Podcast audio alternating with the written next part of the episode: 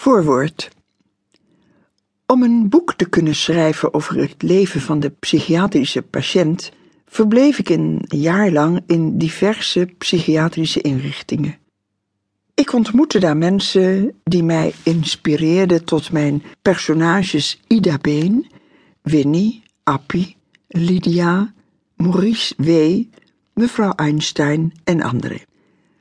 Omdat ik echter de meeste tijd doorbracht in het psychiatrisch centrum Bloemendaal in Loosduinen, besloot ik al mijn personages daar onder te brengen. In Meneer en Mevrouw zijn gek neem ik de luisteraar mee naar een wereld die naar mijn gevoel echt is. Niemand houdt de schijn op. Iedereen is wat hij is. En dat noemen ze dan gek. Yvonne Keuls, Den Haag, januari 2011.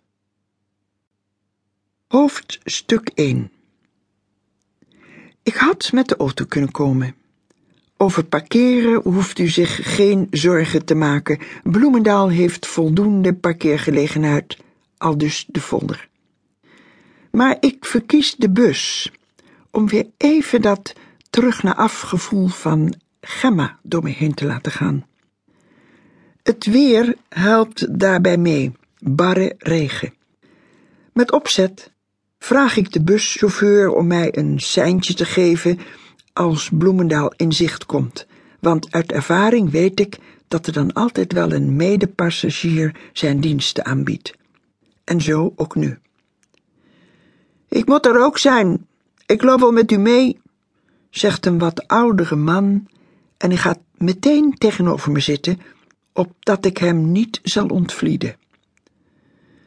Dus, uh, u kent het niet, hè? Anders zeg u niet, geef mij eens een seintje. Nee, ik, ik, ik ken het niet, lieg ik. En ik wacht rustig tot hij opening van zaken zal geven. Tot mijn verbazing gebeurt dat niet. Pas tegen het eind van de rit zegt hij: Zo, nog één halte. En dan ga ik weer naar mijn zus. Ja, die zit er nu ook weer zo'n tien jaar. Ken u mijn zus? Iedereen kent mijn zus. Ida heet ze. Ida Been. Die in die rolstoel. Hij verwacht van mij geen antwoord. Tuurt gewoon naar buiten en poetst zijn bewasemde raampje schoon. Kijk, daar ligt het. Ach, ach, wat een regen. Het lijkt wel of heel Bloemendaal huilt. Weet u hoe groot het is? 72 hectare. Het is net een landgoed van de koningin. Met hoge bomen en parken en wat ik persoonlijk niet zo geslaagd vind, met donkere sloten met van dat overhangende groen en vijvers met de dood op de bodem. Echt iets om jezelf in te smijten als je depressief bent. En neem u maar van mij aan dat er in de loop der jaren heel wat koppie onder zijn gegaan in die rottige vijvers en dat de helft ervan niet boven is gekomen. Ik heb wel eens gevraagd, is het niet verstandig om die plop te dempen? Maar dan gooien ze zich onder een auto, zeiden ze. Hier zo, de provinciale weg die, die langs de inrichting loopt, die is zo onveilig als de pest. Je mag er zeventig rijden, maar honderd is het gemiddelde. Ja, dat walst wel plat. Ga die ook iemand opzoeken? Ik uh, ga naar de vergadering van de patiëntenraad. Oh, zegt hij. Mijn zuster die zit ook in de patiëntenraad. Ze is altijd tegen. Hij zwijgt.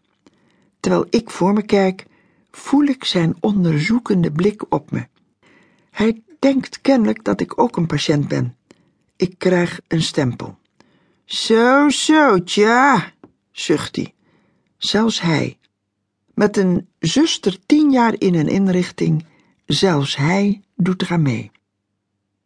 Als ik wil uitstappen, tikt hij me op de schouder en wijst vervolgens naar buiten, naar de poort waar een man naast een racefiets staat, in professioneel wielrennersoutfit, een veldfles aan de mond. Kijk, daar staat hij weer, zegt hij.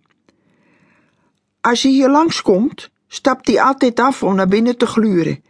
En als je hier toevallig loopt, nou, dan voelt hij zich betrapt, begint hij meteen te kwekken. Vertelt altijd hetzelfde dat hij gevoel heeft en geen steen is, dat de wereld naar de knoppen gaat door de luchtvervuiling en de graffiti.